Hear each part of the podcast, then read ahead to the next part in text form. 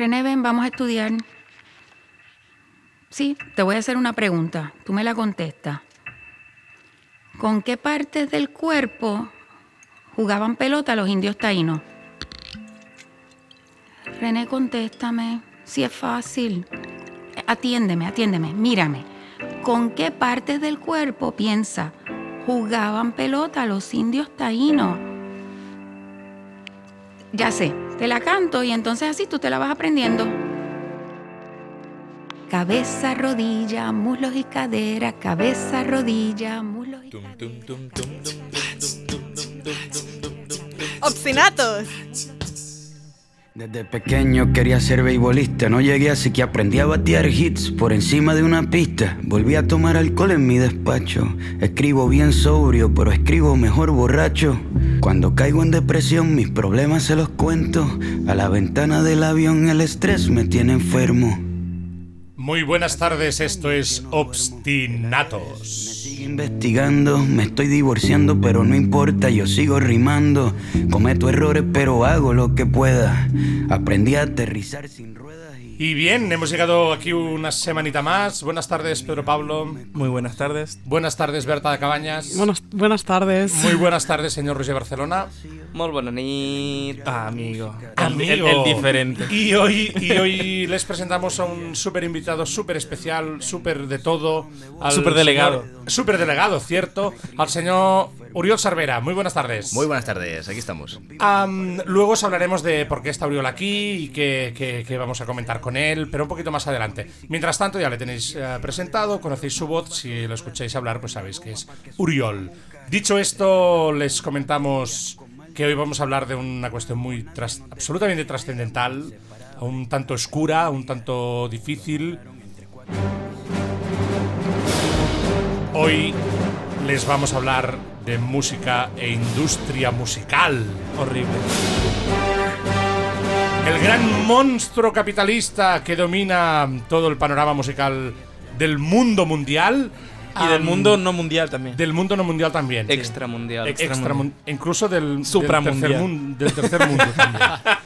No, Ahí manda más. y del inframundo. Sí, Ya tú, tú lo sabes bien, Sí, sí. ¿verdad? Dicho eso, dicho eso, creo que, que Berta va a ser la más, la más Indicada. indicada para abrir este temita. Sobre todo por sus raíces underground y, y lo que viene le de mola la tierra. investigar. Underground, viene de la tierra, bajo tierra. ¿no? Ahora estás diciendo Del que, inframundo. que, que Berta viene de debajo de la tierra. Claro, eso lo has dicho tú. Yo estoy simplemente imprim- y- y- Vale, sí, interpretando sí, tus sí, palabras. está bien. Gracias por traducirme Sí, sí, a no sé qué idioma. Hombre. Hambre. Hambre. Hambre es lo Hambre es lo que yo tengo. ahora mismo. Hambre de conocimiento es lo que tiene tu cerebro. Berta, va, ilumínanos. ¿Qué, qué, qué nos quieres contar de, de la bueno, industria musical? pues como bien has dicho, eh, vengo de hablar, o sea, para hablar un poco de la visión desde el mundo underground, ¿vale? Para ponerle una etiqueta que Que no nos, Al gusta- final no es- nos gustan mucho esta- las etiquetas. nosotros, Exactamente. pero hay que ponérsela para que la gente entienda. Exacto. Y podríamos decir que como los artistas que vienen, para decirle de alguna manera también desde abajo, ¿no? De, sobre todo en la nueva escena del underground, eh, se cuestionan un poco el hecho de cómo funciona la industria musical en España, por ejemplo. em, pues vemos que hay muchos artistas que, que en entrevistas o en, los- en las can- mismas canciones hablan sobre ese tema, que es bastante curioso porque normalmente en el mainstream los artistas no han hablado sobre ese tema o cómo gestionan esa industria. Yo, yo creo Claro. que también para, para seguir un poco y contextualizar a los oyentes, decir que un poco entender qué es underground, ¿no? Porque igual es, es, es muy grande, ¿no? O sea, primero dividir, entender que lo, para, para el mundo lo que es mainstream es igual lo que suena en las radios, lo que se consigue fácilmente en YouTube, Spotify, etcétera, etcétera. La escena underground, que también puede ser parte de alguna manera de ese mercado accesible, entra de manera más independiente, ¿no? Más sin el apoyo y sin el grande aporte de las grandes majors. El Eh, tema es que ahora yo creo que hay una línea muy fina Sí. entre lo underground y lo mainstream, Claro. porque hay muchos artistas underground que de golpe han pasado al mainstream y entonces, ¿qué son? Ya no son underground porque están en el mainstream. Ahora, no sé.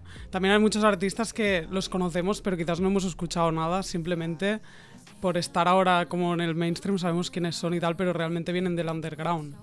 Es que claro, yo pienso que también hay que, hay que entender que venimos toda la vida de, de- de- de- tragarnos un poco lo que las grandes discográficas nos habían vendido siempre. Y, esta nueva manera de acceder a la música y entender la música de- desde, o sea, desde muchas vertientes, no solo de la radio o de pedir la, de votar por MTV o cosas así, sino de acceder a la música de maneras tan diversas nos ha abierto este mundo, ¿no? Esta gran división de lo mainstream y lo no mainstream. y- y lo que considero que es un factor clave, ¿no? La, la relación directa que puedes obtener como oyente con tu artista. Claro. Quiero decir, el hecho de que mm, escuches ah, el, el tema que lanzó la semana pasada tu artista favorito y le puedas mandar un like desde Insta, por ejemplo. Sí, que haya interacciones, algo- ¿no? Que antes parecían que eran gente que estaba Claro.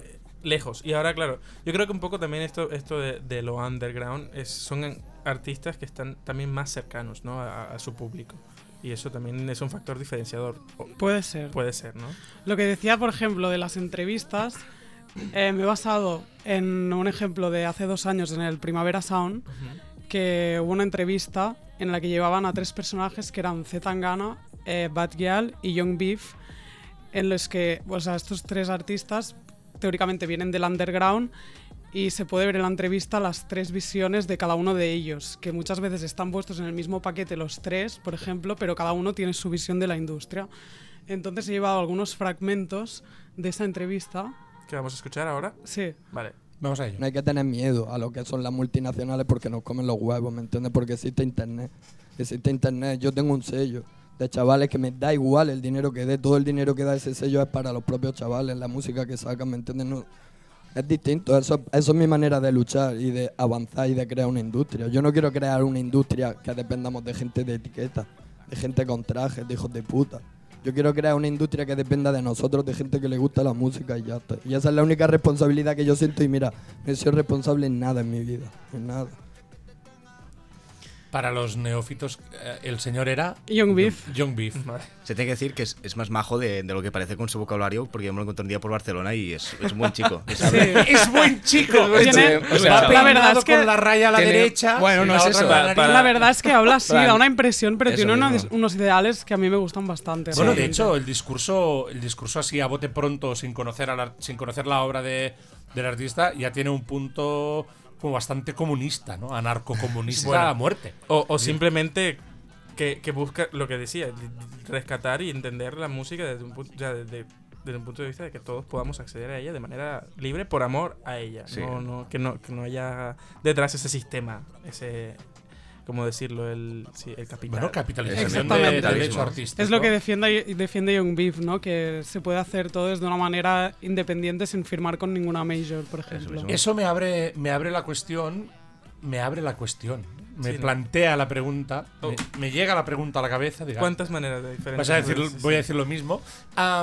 ¿Hasta qué punto eso no deja de ser parte de una etiqueta de venta? O sea, ¿hasta qué punto No es esto una mola estrategia. llevar la estética Bueno. de ser un tío que va Claro. En contra del sistema. Bueno, un momento, ponemos los otros Vale, sí, fragmentos. sí, sí. y así nos nos explicamos Y- mejor. Sí, Y te eso en un respondo. programa de verdad habríamos escuchado antes, ¿verdad? ¿Eh, Berta? Sí. Que nos ha estado diciendo toda la semana. ¿Habéis mirado el material que os he colgado en el.? No, no le- Vale, luego lo miro. Y nadie Y lo ha así- mirado. y ¿Y, así qué andamos. ocurre? Eso. Y por eso somos lo que somos. Vamos ver, a ajá. escuchar el segundo fragmento.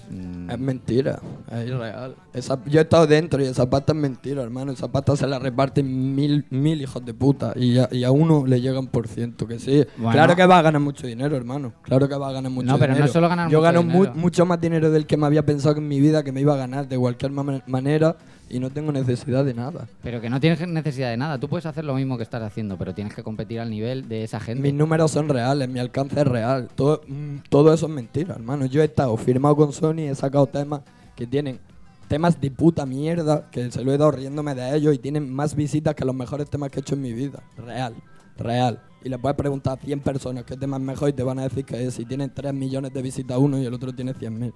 ¿Por qué? Porque eso está pagado, hermano. Yo no, no me interesa ese mercado. A mí me interesa un mercado real, underground, de gente que le guste la música. Solo hay un y ya mercado. está. El mercado es donde está el dinero. A Solo stream, existe un mercado. stream.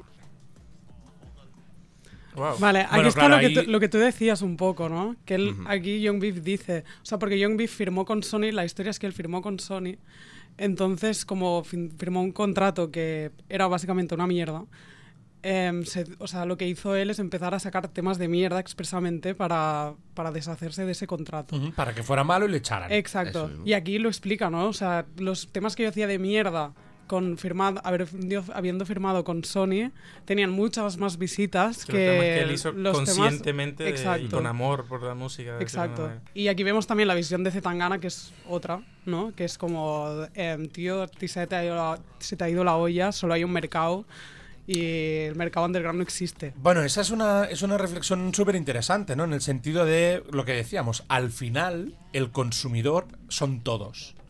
Y es más, probablemente el mismo consumidor de, sus, de su vídeo de 100.000 visitas habrá visto también el de 300 millones de visitas.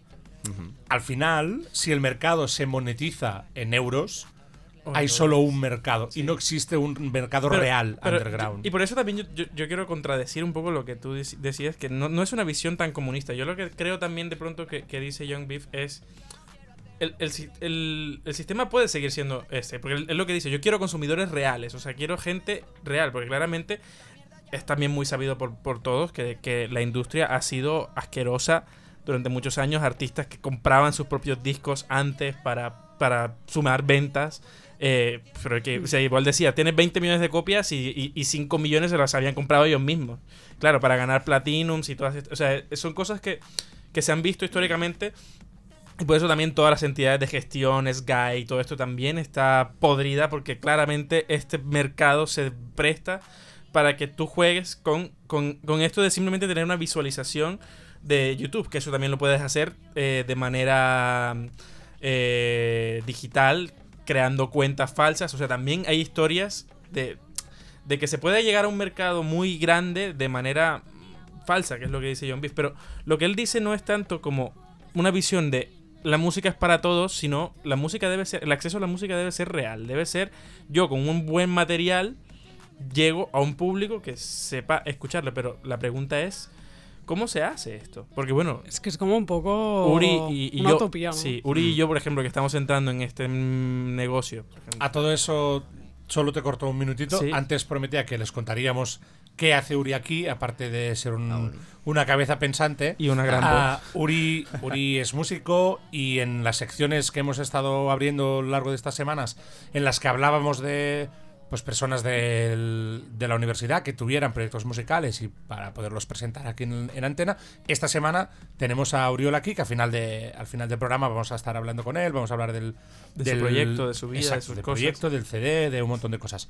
Solo para acotar un poco un y así de- terminar de presentar ah, correctamente. Pero bueno, igual para darle voz a Uri también, eh, les decía, o sea, yo, ahora que estamos entrando en este mundo y, y le- y habla- hablando con Berta antes, eh, extra aire, Off the records. of the records, em, le decía, claro, es que tú te metes a una distribuidora, pagas un dinero que igual no, en teoría no es tanto, pero que tu música eh, sale eh, y al final lo que ya, ya, ya sales con el pensamiento de que de, que de esto no vas a vivir, o sea, de que tu música la escuche la gente no es lo que vas a ganar dinero. La idea es que al final esto llegue a buenos oídos y te contraten para tocar y del concierto tú a lo mejor ganas un dinero. Y necesitas un plan de marketing brutal.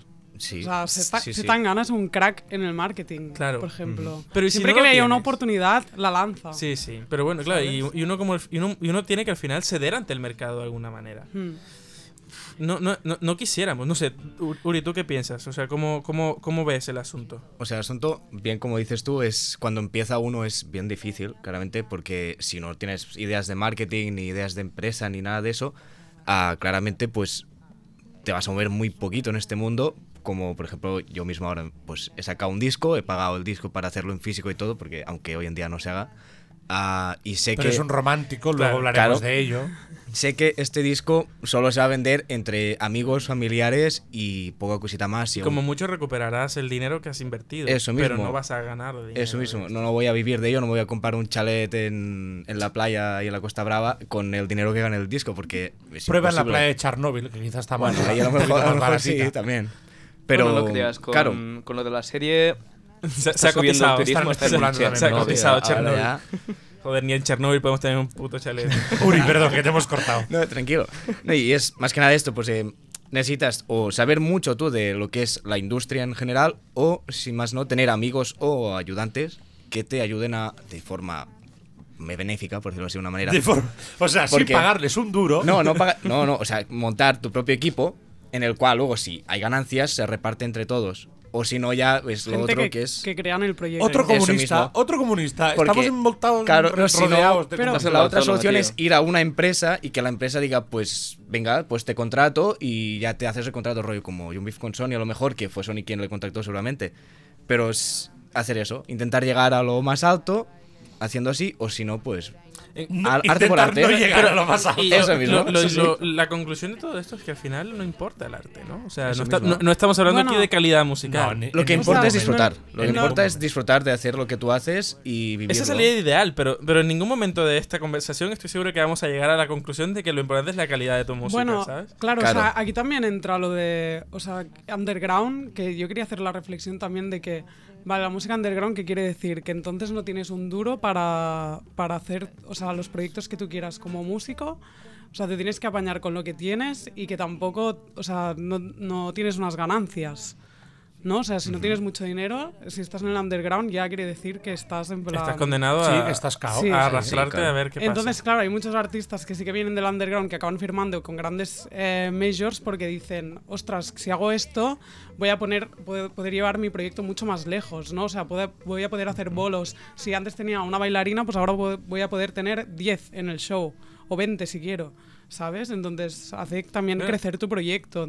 Abríamos con, con, la, problema. con la canción de René de, de- de Residente, que es su nuevo, el nuevo hit, eh, irónicamente, eh, porque entre otras cosas este es un tío que, que le ha tirado mucho palo a la industria también. eh, y que él dice, bueno, en la parte del disco, yo, la, esto, la industria es mentira, yo necesito que mi hijo coma y por eso salgo al escenario.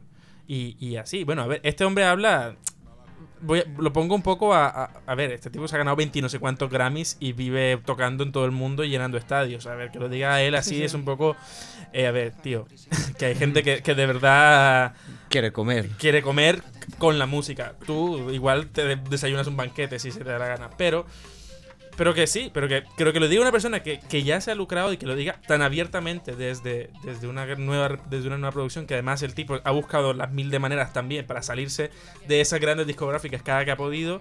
eh, es, es una es una es un guiño también nos dice a nosotros cómo realmente se muestran estos artistas Y, y no nos engañemos, forma parte de, de una etiqueta que, que mola, que está hiperactualizada. O sea, mm, ¿A qué- a qué te cargar contra la industria, contra, contra toda la industria, está de moda. O sea, el cine independiente de voy a producir una peli con 6.000 pavos está de moda. Sí. La autenticidad de lo independiente está muchísimo de moda. Porque y entonces- se, y se eso se- y considera como más real. o- Pero Claro, también hay, autenticidad, pero también ahí hay un, pez que se vuelve a morder la cola, porque entonces ahí la industria se aprovecha de esto y, y- Claro. se, y, se, y se agarra de, de producciones independientes. Mira todo este movimiento indie de los finales de los 90, principios de los 2000.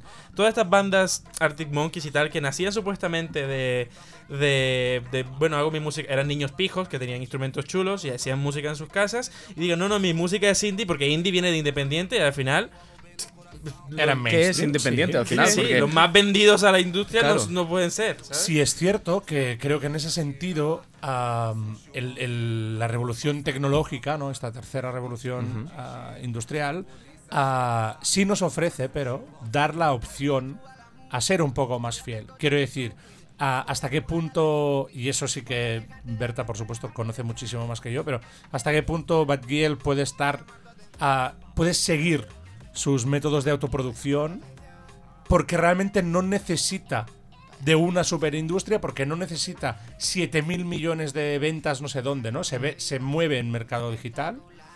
Berta, Batial- sí, sí, me miras con cara de... No, que Quiero el decir ejemplo algo. que he explicado antes, Sí.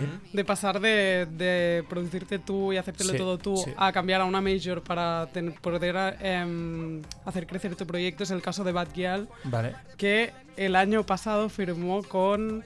No me acuerdo cuál era, vale. pero creo que era, que era, eh, Universal, creo. Una, gra- una major. Una vale, major. Vale, en ¿Vale? ese caso, este ejemplo no y, nos lo, y lo justifica, aparte, em, a ver, Estamos encontrando las palabras precisas, Sí. indicadas, adecuadas, correctas, sugerentes.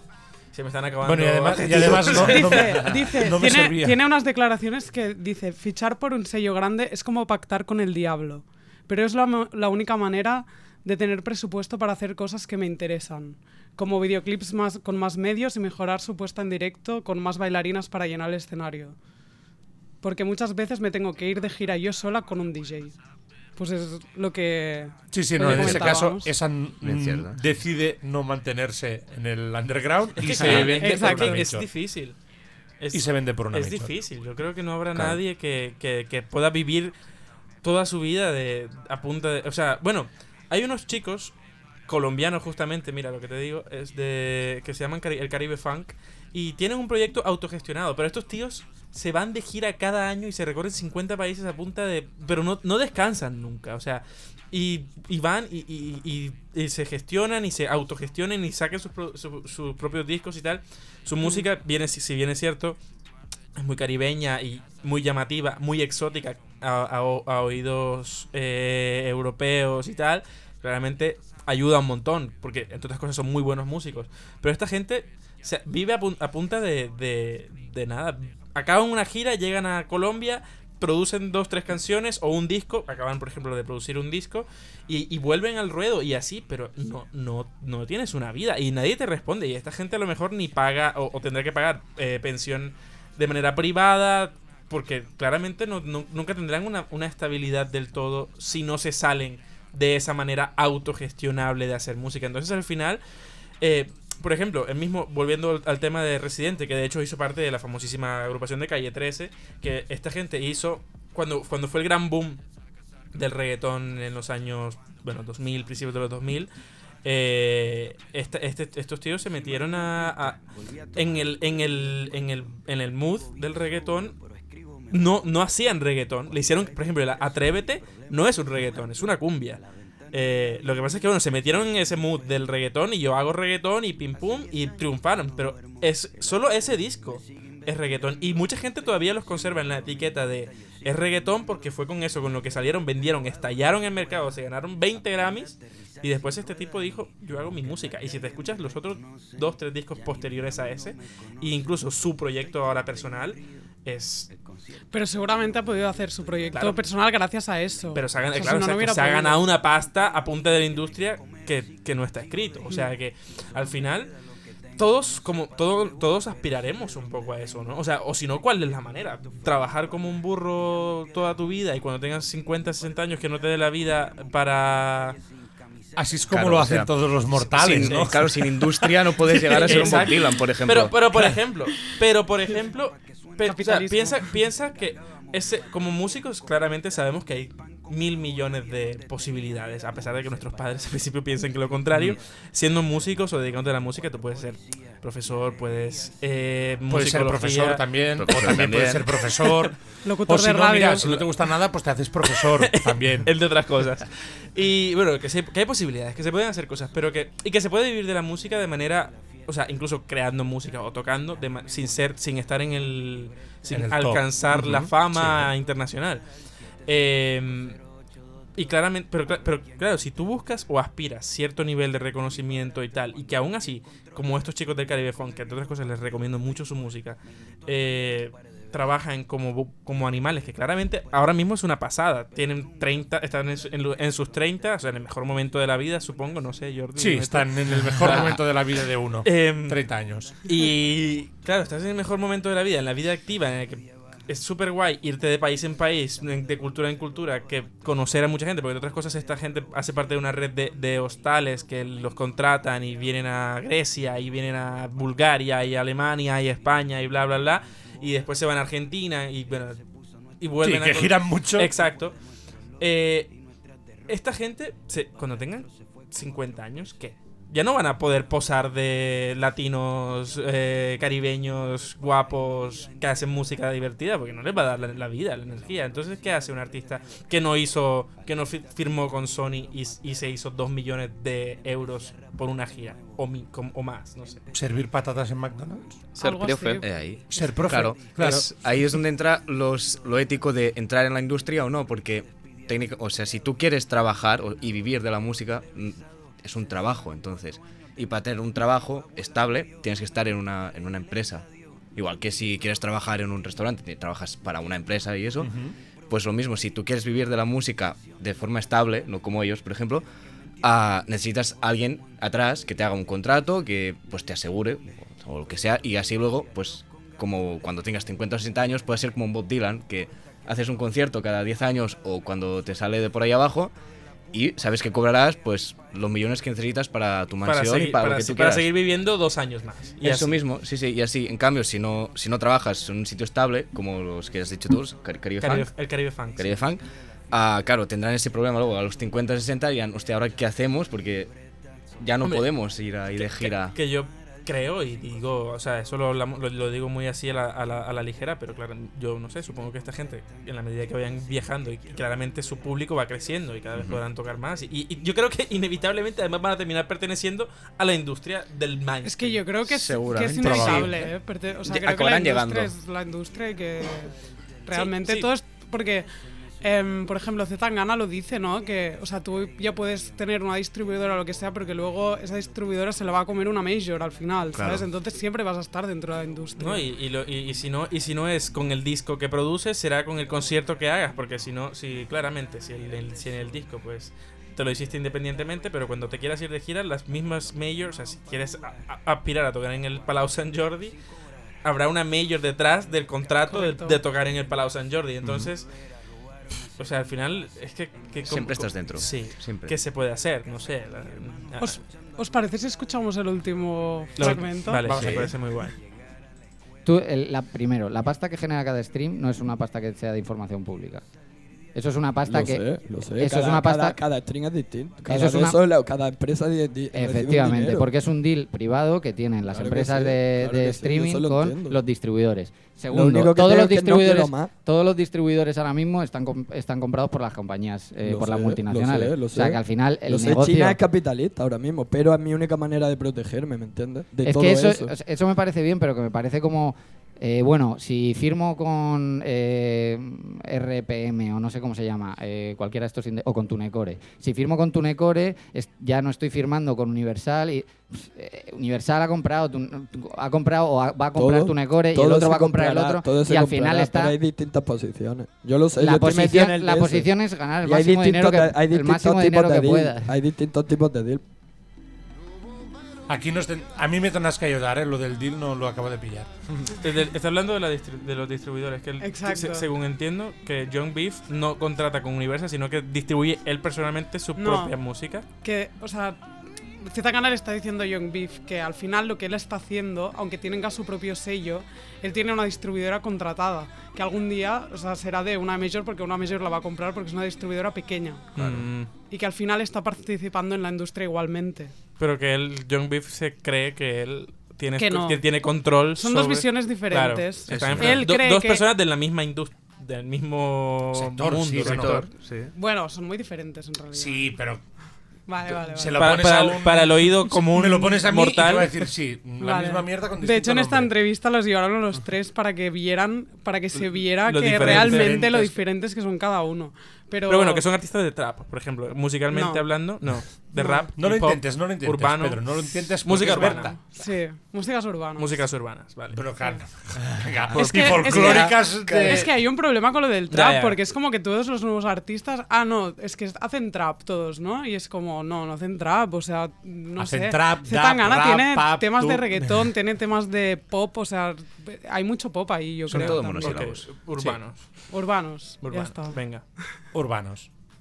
Enseñando a los chavales a bregar con gángsters y con multinacionales.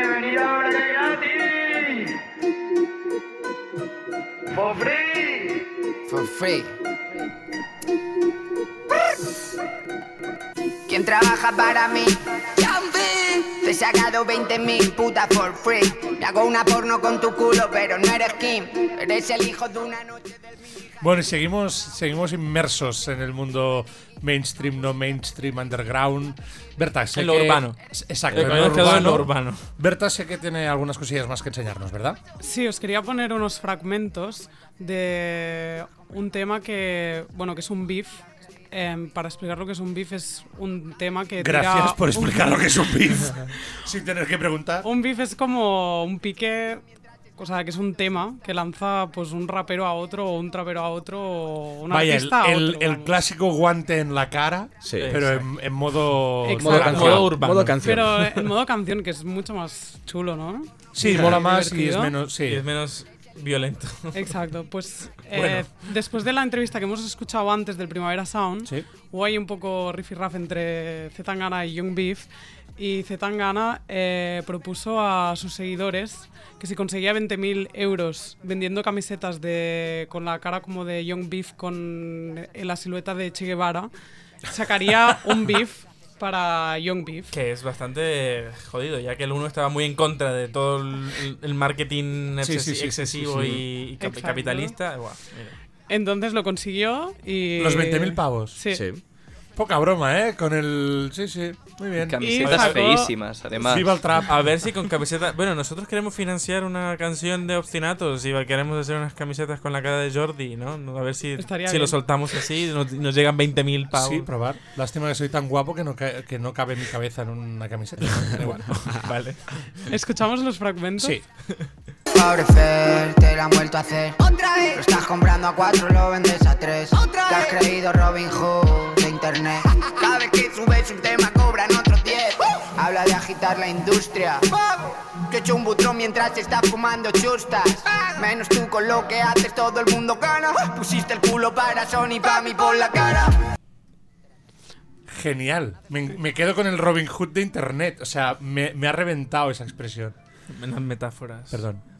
Bueno, aquí vemos como eso, ¿no? Zetangana le está como desmontando eh, la visión que tiene Young Beef. Ese que es- pajazo mental que se hace de que, de que él solito controla su, mu- su Exacto. música y ya está. Y no. Exacto, y por eso lo de Robin Hood de Internet. Ajá. Y bueno, le está intentando hacer ver, ¿no? De eso que lo que él está vendiendo realmente igualmente no se lleva el 100% de lo que él genera, digamos. Que bueno, que, a ver, que yo creo que tampoco podemos esperar, teniendo en cuenta que yo no soy dueño de Spotify, por ejemplo, que, que lo que yo produzca con mi música sea todo para mí, eso es claro. Pero, pero sí entiendo un poco lo que John Beef quiere, o sea, no me parece tan, tan Yo descabellado. también lo entiendo. O sea, él quería como ser su propio jefe y que nadie le time, digamos. O sea, yo ¿no? creo que, yo creo que es está en muy un punto, él está en un punto muy idealista. Claro, pero es muy difícil que tú veas realmente, o sea, también veo la parte de Zetangana que es como, aunque tú te creas que puedes ver el 100% de lo que estás generando, ¿no? Es como Imposible. imposible, ¿no? Porque luego si tienes una distribuidora que no controlas tú, tú no sabes realmente lo que se está Claro, generando. y, ahí. y- y justamente el sistema de capi- eh, capitalista, con todo lo, con todos los mercados en general, eh, lo que genera es eso, que hayan tantos puntos de, de interacción entre una cosa y otra, en que, por ejemplo, si tienes un, un paquete, ese paquete llega a un sitio, ese sitio llega a un distribuidor, ese distribuidor lo vende a no sé quién, y así Exacto. con la música funciona igual. Claro, como se pierde dentro de ese mercado, tú nunca sabes a ciencia cierta qué pasa en- al momento en el que tú subes tu música a internet o la llevas a una distribuidora para que vendan tus discos. Parte de ese punto de vista, creo que parte de esa falsa idea que tuvimos, bueno, vosotros no, porque realmente, y aquí sí que es que sois muy jóvenes, pero la llegada del- de, de la era digital trae parte de esa idea, de esa idea anar- anarquista, idealista, compartir. es decir, chicos, se acabó la esclavitud de las grandes empresas que controlan los contenidos, que editan, que publican en todos los ámbitos. ¿eh? Mm. Eso lo vivimos en, el, Sí. en el mundo libro, en el mundo Sí. ebook, en el mundo cinematográfico, Sí, etcétera, ¿no? Pero que sigue siendo una idea también, ¿eh? que no, no es real. Realmente, porque es las industrias se han acabado haciendo con esa, Claro. con esa O sea, idea. la, la idea ha pasado de ser eh, física a digital, pero no, al final... hubiera, no hubiera existido, ¿no? Internet hubiera durado 35 segundos Eh, sí. si el gran capital No- no hubiera lo creído que eso era viable de verdad, Sí, ¿no? sí, que realmente. Estaba popularizando las cosas. Eso Mm. es el, el engaño, gran parte del engaño del siglo XXI. Sí, sí, totalmente. Eh, ¿Algo más? Hay más, hay más. hay más ¿Escuchamos otro Sí. fragmento? Perfecto. No eres el primero, bitch, yo ya tuve un sello aquí. Mientras Sony te chuleaba, lo subía free. AGZ, la industria que yo conocí. Aprendí lo que te falta y ahora soy el king. Dios bendígame a la bendición. Por favor. Pa' que no mueran de inanición. Deja de vender haces un favor. Te da miedo. Podrías cambiar el juego, bro, te faltan huevos. Yo he abierto un agujero para que todos entremos. Búscate un dentista bueno y un agente nuevo. Y me llaman luego. Vale, una aclaración que la bendición es el sello de, De Young Beef. de Young Beef. Ah, vale. Y que en, en, en la entrevista del Primavera Sound se dio también el caso, ¿no? Que creo que fue, o sea, creo que sí que fue Zetangana, en plan, Young Beef, hay un momento que tienen como la conversación de, oye, ¿por qué no nos juntamos? O sea, la gente justamente que estamos en esta situación nos tendríamos que juntar, ¿no? Y crear Y nosotros luchar una bestia para luchar contra esas majors, ¿no? Que están haciendo lo que les sale de aquí. Pero lo que ellos quieren, lo que ellos quieren al final, lo que es, un- es una propuesta para montar otra gran empresa que controle. Eso mismo. Totalmente, pero según ellos, claro, ellos lo harían con ideales como más... Sí. Pero así ¿No? lo hacen todas. A, a los Robin Hood. A los Robin A los Hood. Robin Sí. Hood. Y claro. escuchamos el último, A ya, ver, vamos. el último trocito. A ver tú, Kurt Cobain, que no te enteras de nada. Que no hace falta firmar con ningún sello, ni con Sony, ni con una multi. Lo que hace falta es enterarse de cómo funciona para poder cambiarlo. Hermano, tú no estás firmado con la calle. Tu sello está firmado con una distribuidora que se llama Altafonte, que son los que antes se llamaban Boa. Fíjate el cambio que estás haciendo en la industria. Hermano, el sistema está enamorado de ti. El sistema se nutre de gente como tú. Los que se creen que están fuera, pero solo están abajo. Cuando quieran montamos el sindicato. Los que se creen que están fuera, Increíble. pero Están solo abajo. están en abajo. realidad están abajo. Uf, fuerte, ¿eh? Sí, gran, A mí me grandes- hace gracia lo del sindicato. es como que, no sé, los músicos en general no están... or- O sea, bueno, al menos yo no lo he visto, que se hayan puesto a hablar así seriamente del tema y organizarse contra Hay- esas majors que hay les hacen algunas- firmar Hay contratos. algunas, hay algunas, sobre todo en el mundo de la música clásica, sí que hay. ¿Sí? Por ejemplo, en Estados Unidos sí que tienen su, su sindicato, pero como, como cualquier otro sindicato laboral, sindicato de músicos, sobre todo músicos de orquestas sinfónicas importantes y cosas Pues así. estamos sí. muy atrasados Sí, aquí. en ese Y aquí hay, eh, también debo, ¿Sí? debo dar el apunte. Sí, hay, hay un, in- un inten- no un intento, un inicio de, De una organización de- sí, de organizar un, un sindicato de músicos. Claro, ¿quién controla eso? O sea, y sobre todo en músicas. Eso lo puedo, puedo entenderlo en el, en el- en el mundo de la música clásica, que de hecho se podría hacer otro programa, ¿no? Como es la industria musical clásica, que es otra historia completamente diferente. Pero claro, en el mundo musical no- mm, de popular, en el que vivimos casi que todos rodeados todo el tiempo, o sea, a mí me contratan por 50 euros y necesito 50 euros. Voy a tocar por 50 euros, a pesar de que yo sé que mi trabajo no vale 50 euros. Exacto, ese es el problema. Entonces, y, y- y así pues, y así hago que, que ese bar que me contrató por 50 euros eh, al siguiente músico que venga le quiera cobrar 50 euros a pesar de que ese músico lleve cobrando 200 euros y que, Mm. eh, y que justamente necesite tocar porque bueno porque necesita pasta o lo que sea termine cobrando 50 euros y así genera y así se ha generado históricamente y bueno y no digo los bares que, co- que, que le pagan a los músicos con, Con comida cerveza, claro, Con con cerveza, cerveza. ya que eso Ce- es. cerveza gratis. o, peor y- aún, ¿no? Que ven, toca mi bar que así te y si te promociona. gusta beber, bueno, promociona. aceptas, ¿no? Sí. Bueno, que barra libre. Ha llegado el punto que incluso hay bares que pagas para ir Claro, a tocar casi. Que ya. te dicen, Sí. si quieres tocar, paga, yo sé, 5 euros. Y tú Sí, dices, ¿qué, o me qué tienes coño? que traer tanta gente Sí, y sí. Sí, sí, sí. depende de lo que hagan Les barra, hace- pues no- vas a cobrar nos, mismo. nos hacen el favor, ¿no? A los músicos. Claro. Qué, qué fuerte cómo, cómo funciona la industria y, y- y qué, y qué negro se ve el panorama si quisiéramos hacer algo en contra de ello, ¿no? O sea, porque si bien es cierto que yo, o sea, yo en últimas, o sea, creo que lo de Zetangana es aplaudible en, en cuanto a que el tío sabe cómo funciona el sistema. O sea, puedes estar o no en contra o a favor del, de, de- de si te gusta o no su música o lo que quiera. Pero el tío sabe cómo funciona el sistema y está ahí y, y se aprovecha del sistema. Bueno, se ve que está como más informado, ¿no? claramente. Sí, conoce y, y muy lo dijo. Pero también, o sea, a mí me gusta la visión que tiene Zetangana y estoy de acuerdo con lo que dice, pero tampoco sé si yo, por ejemplo, sería capaz de hacer eso, ¿sabes? Claro, ¿cuántos músicos pagar tienen.? un- o sea, pagas un precio Sí. por hacer eso, por ¿Cuántos dar tu imagen, Sí, para hacer ciertas cosas que quizás no harías, ¿sabes? No, y, Entonces- y estar a la. al- o sea, es casi que una lucha, es una guerra, y, y al final. Y, lo- y volvemos a lo que decíamos al principio del programa. Y, y la, el arte, ¿qué? Y la música, que es lo verdaderamente importante, la creación musical, la capacidad artística, la- la- estar a la vanguardia de- del arte, del conocimiento del arte, ¿qué? ¿Dónde queda? ¿En un aula de musicología? El arte, el arte murió con el urinario de Duchamp. Guau. Venga. Guau, Sí. a- Acción poética, Nos- facultad. No os voy a decir, no os voy a decir nada más. Y no os voy a decir nada más porque, porque tenemos aquí a Uri. Y lo tenemos desaprovechado. Claro sí, hemos venido a. Lo hemos traído, perdón, para que nos hablara un poquillo de su proyecto. Y ahora sí, Uriol Sarvera, es Sí, tu dígame. momento. Ahí, para lucirme. ¿Cómo estás? Buenas tardes. ¿Qué nos cuentas? ¿Qué, qué, qué nos dices? Has sacado un CD. Sí, correcto, sí. Saqué Muy un bien. CD Pero- hace... Dime. ¿Apareces en Spotify como Uriol Cervera o...? No, como mi, mi No te me avances, nombre Pedro artístico, Pablo. Perdón. que lo va a decir Hombre. ahora mismo Jordi. No, no he dicho nada. Sí, se llama Uri Cerveza, ¿no? Me has dicho. ¿Era eso? Bueno, sí, cerveza en inglés, porque Ah, como cerveza yo... en inglés. Sí, como yo lo pronuncio mal, o sea... Pero es un nombre largo, ¿no? Uri Cerveza en inglés. Para buscarlo en Spotify es como un poco rollo. Claro, porque así es marketing. Es marketing, claro. Ah, no, sí, en realidad es Uri Beer, Uri Beer. bien pronunciado, pero aunque yo mismo cuando alguien me pregunta digo Uri Beer porque es más fácil de decir, y es Uri cerveza en inglés. Y lo de cerveza mucha gente me Es, pregunta. es un buen Sí. nombre para, para Instagram. Uri ¿Te Cerveza gusta en mucho la inglés. Sí. Es que todo el mundo me dice eso, ¿te gusta mucho? Y yo digo, sí, me gusta mucho la cerveza, pero el nombre no viene de ahí, sino que viene de cuando yo era pequeñito.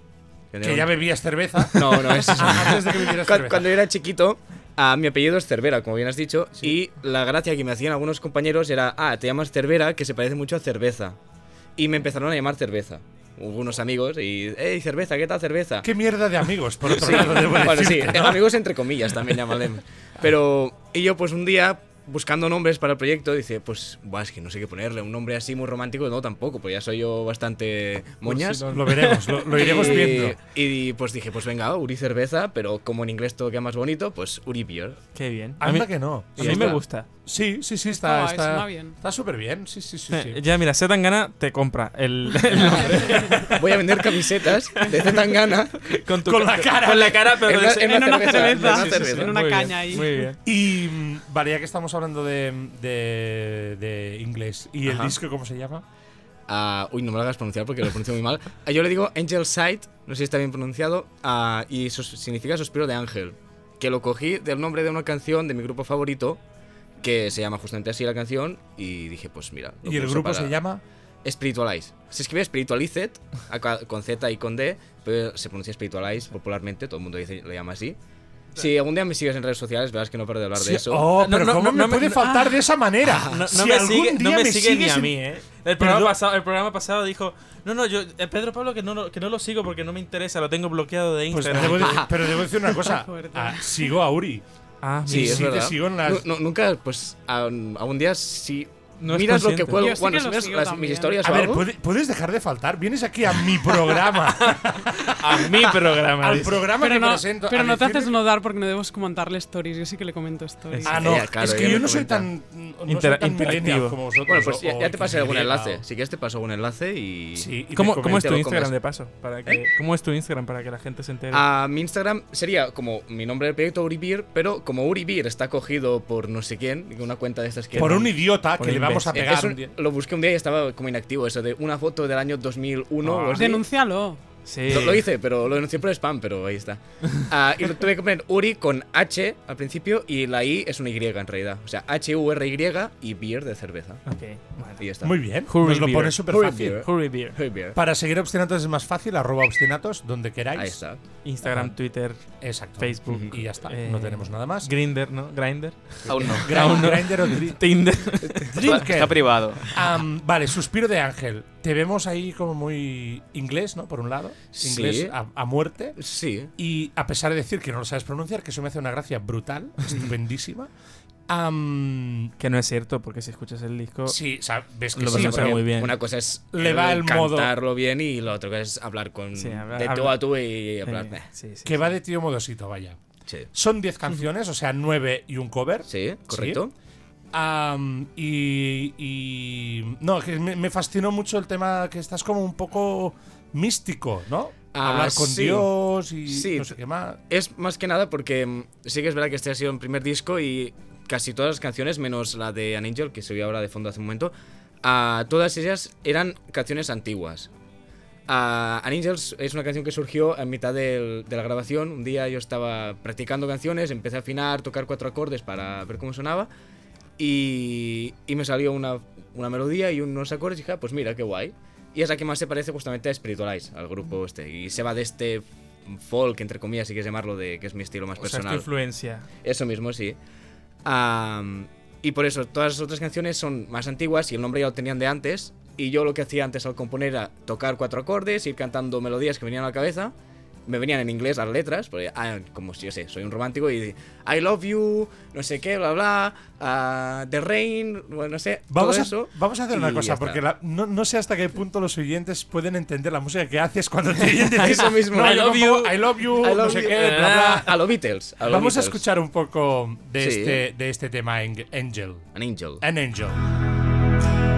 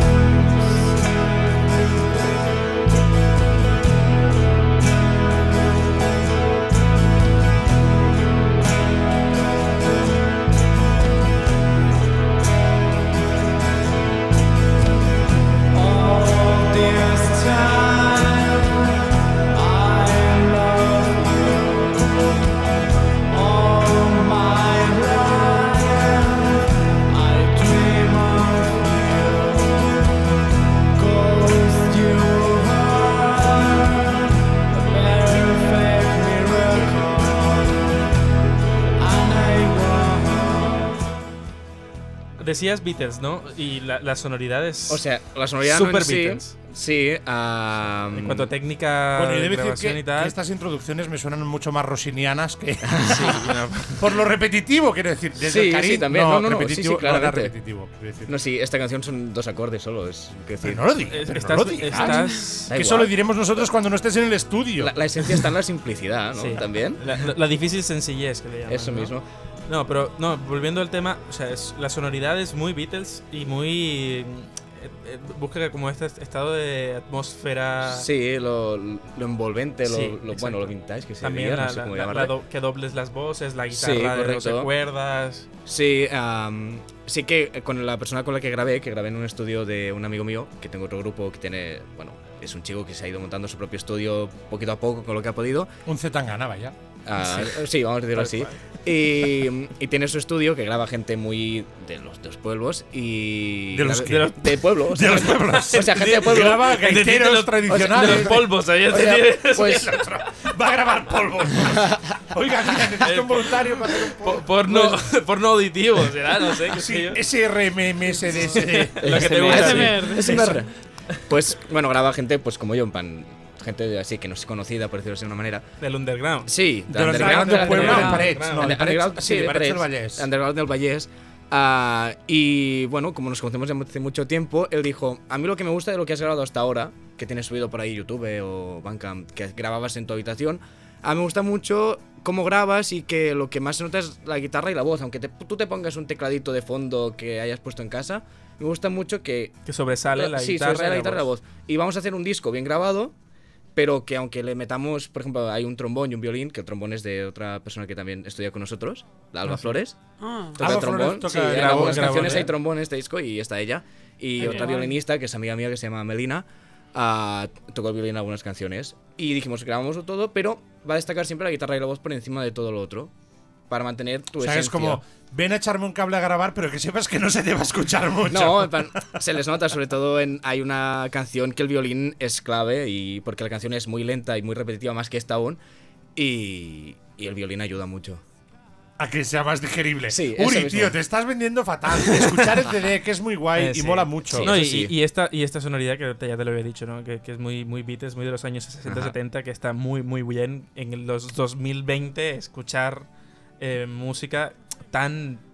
O sea, que, que fue un éxito en su momento y que, bueno, está también de moda volver un poco a lo retro. Las influencias, digamos. Que... ¿Puedo Vemos- hacerte una pregunta? Sí, Sí. claro, dime. Em, cuando, o sea, cantas en inglés porque te es como más, eh, no sé cómo decirlo, ¿Te fluye? ¿te suena mejor o te es más fácil expresar según, o sea, según qué cosas? Ajá. Porque si no en catalán o en castellano te parecería como que te estás abriendo demasiado. ¿Es por eso? Ah, No. sí, no, o sea, en parte sí que es eso que a veces pienso esto de que en catalán Mm. a lo mejor mm, sería como abrirme más a mí mismo y eso, pero ah, simplemente es porque supongo que como el 90% de la música que escucho es en inglés y cuando componía ah, y compongo me salen frases en inglés, automáticamente rollo pues... De esas eso. de I love you, I love you, bla, a lo- bla, bla, bla. A los Beatles, pues ya empiezo a componer la letra a partir de allí de una o dos frases y voy haciéndolo todo en, en inglés. Aunque sí que más de Vale. una persona me ha dicho, ¿por qué no compones en castellano o en catalán? ¿Pero te gustaría en un futuro? Ah, sí, incluso tengo, bueno, tengo una canción no grabada ni subida en ningún sitio, la tengo en el móvil por ahí creo, eh, que está en castellano,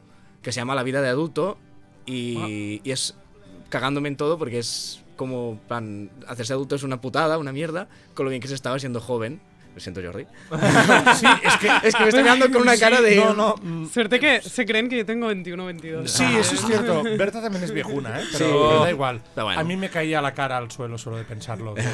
los Pues hice una estos. canción en castellano sobre eso, pero nunca la subí porque dije, no sé, no me gusta tanto como las otras que tengo hechas. Y a lo mejor sí que es igual de buena, pero algún día a lo mejor la subo. Bueno, Bueno, es que la carrera musical apenas empieza por lo que vemos Sí, y, nada. por, y por suerte va a seguir, ¿no? Sí, sí, sí, intentaré seguir todo lo que pueda y aunque sea tocando en los bares de, de por aquí De por allá. carretera que no existan, ¿no? Porque Eso mismo. Los bares de carretera son unos clubs mm, para Muy- de señoritas. Sí, entonces- para otras cosas. Señoritas y sí. señoritos también se No sé si hay. Sí, ¿no? Sí, bueno, claro. Hay señoritas y señoritos en los clubs sí, es estos que, de señoritos y mm, señoritas.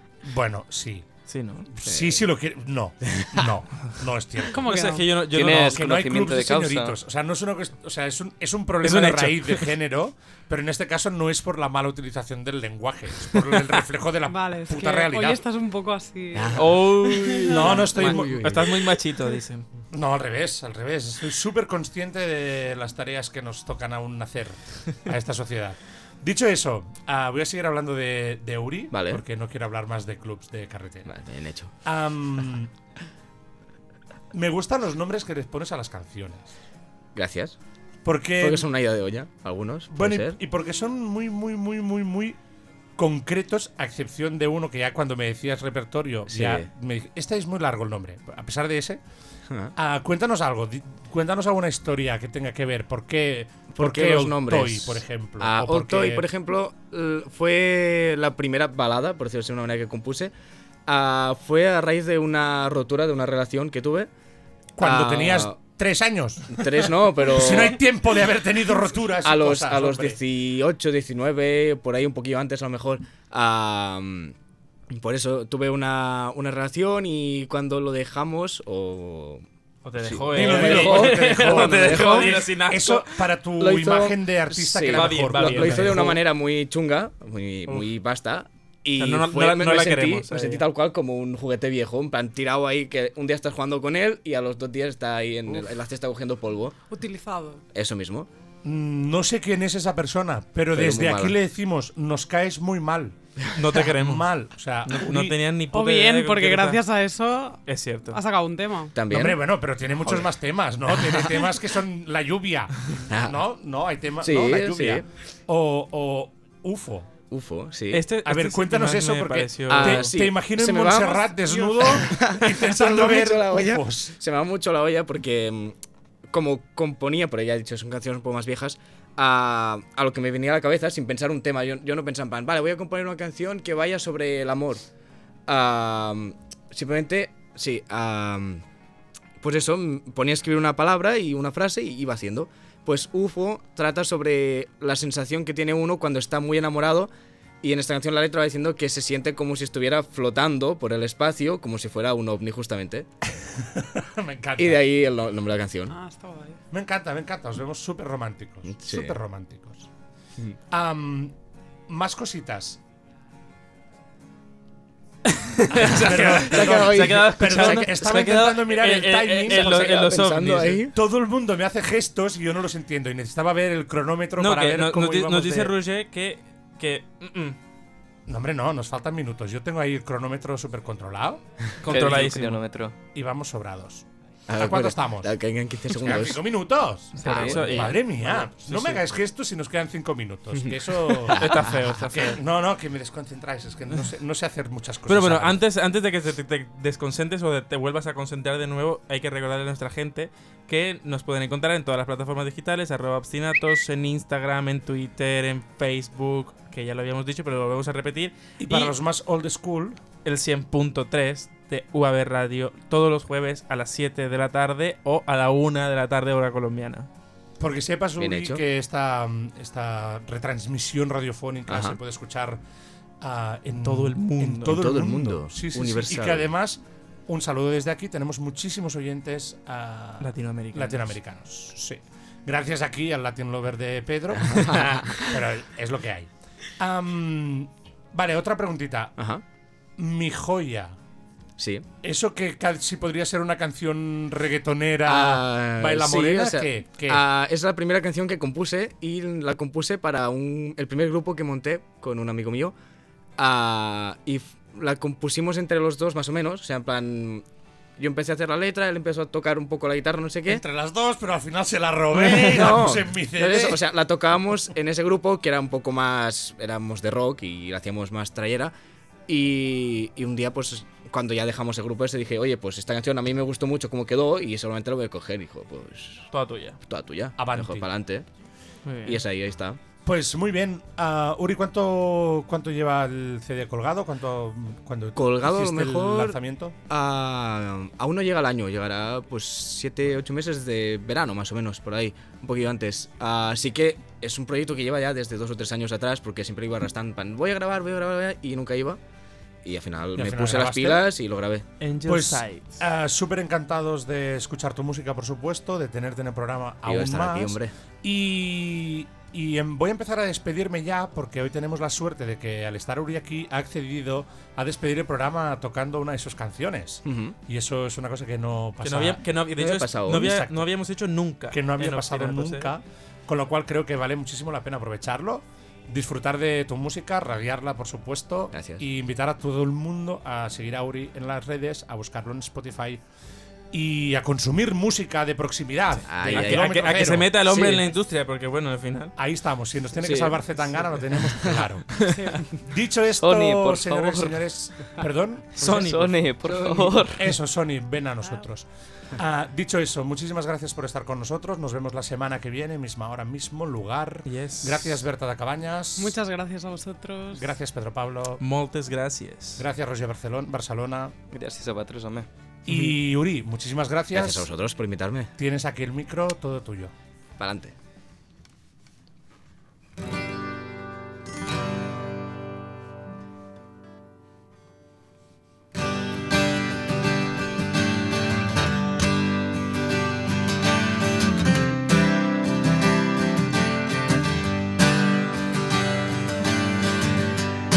Can tell a story. You know I don't have words. I can tell the glory. Stop in the silent If I could say something other than love you. That's the only I have in my head. What can I do to know I am the silent boy? Ooh, my silence says a lot.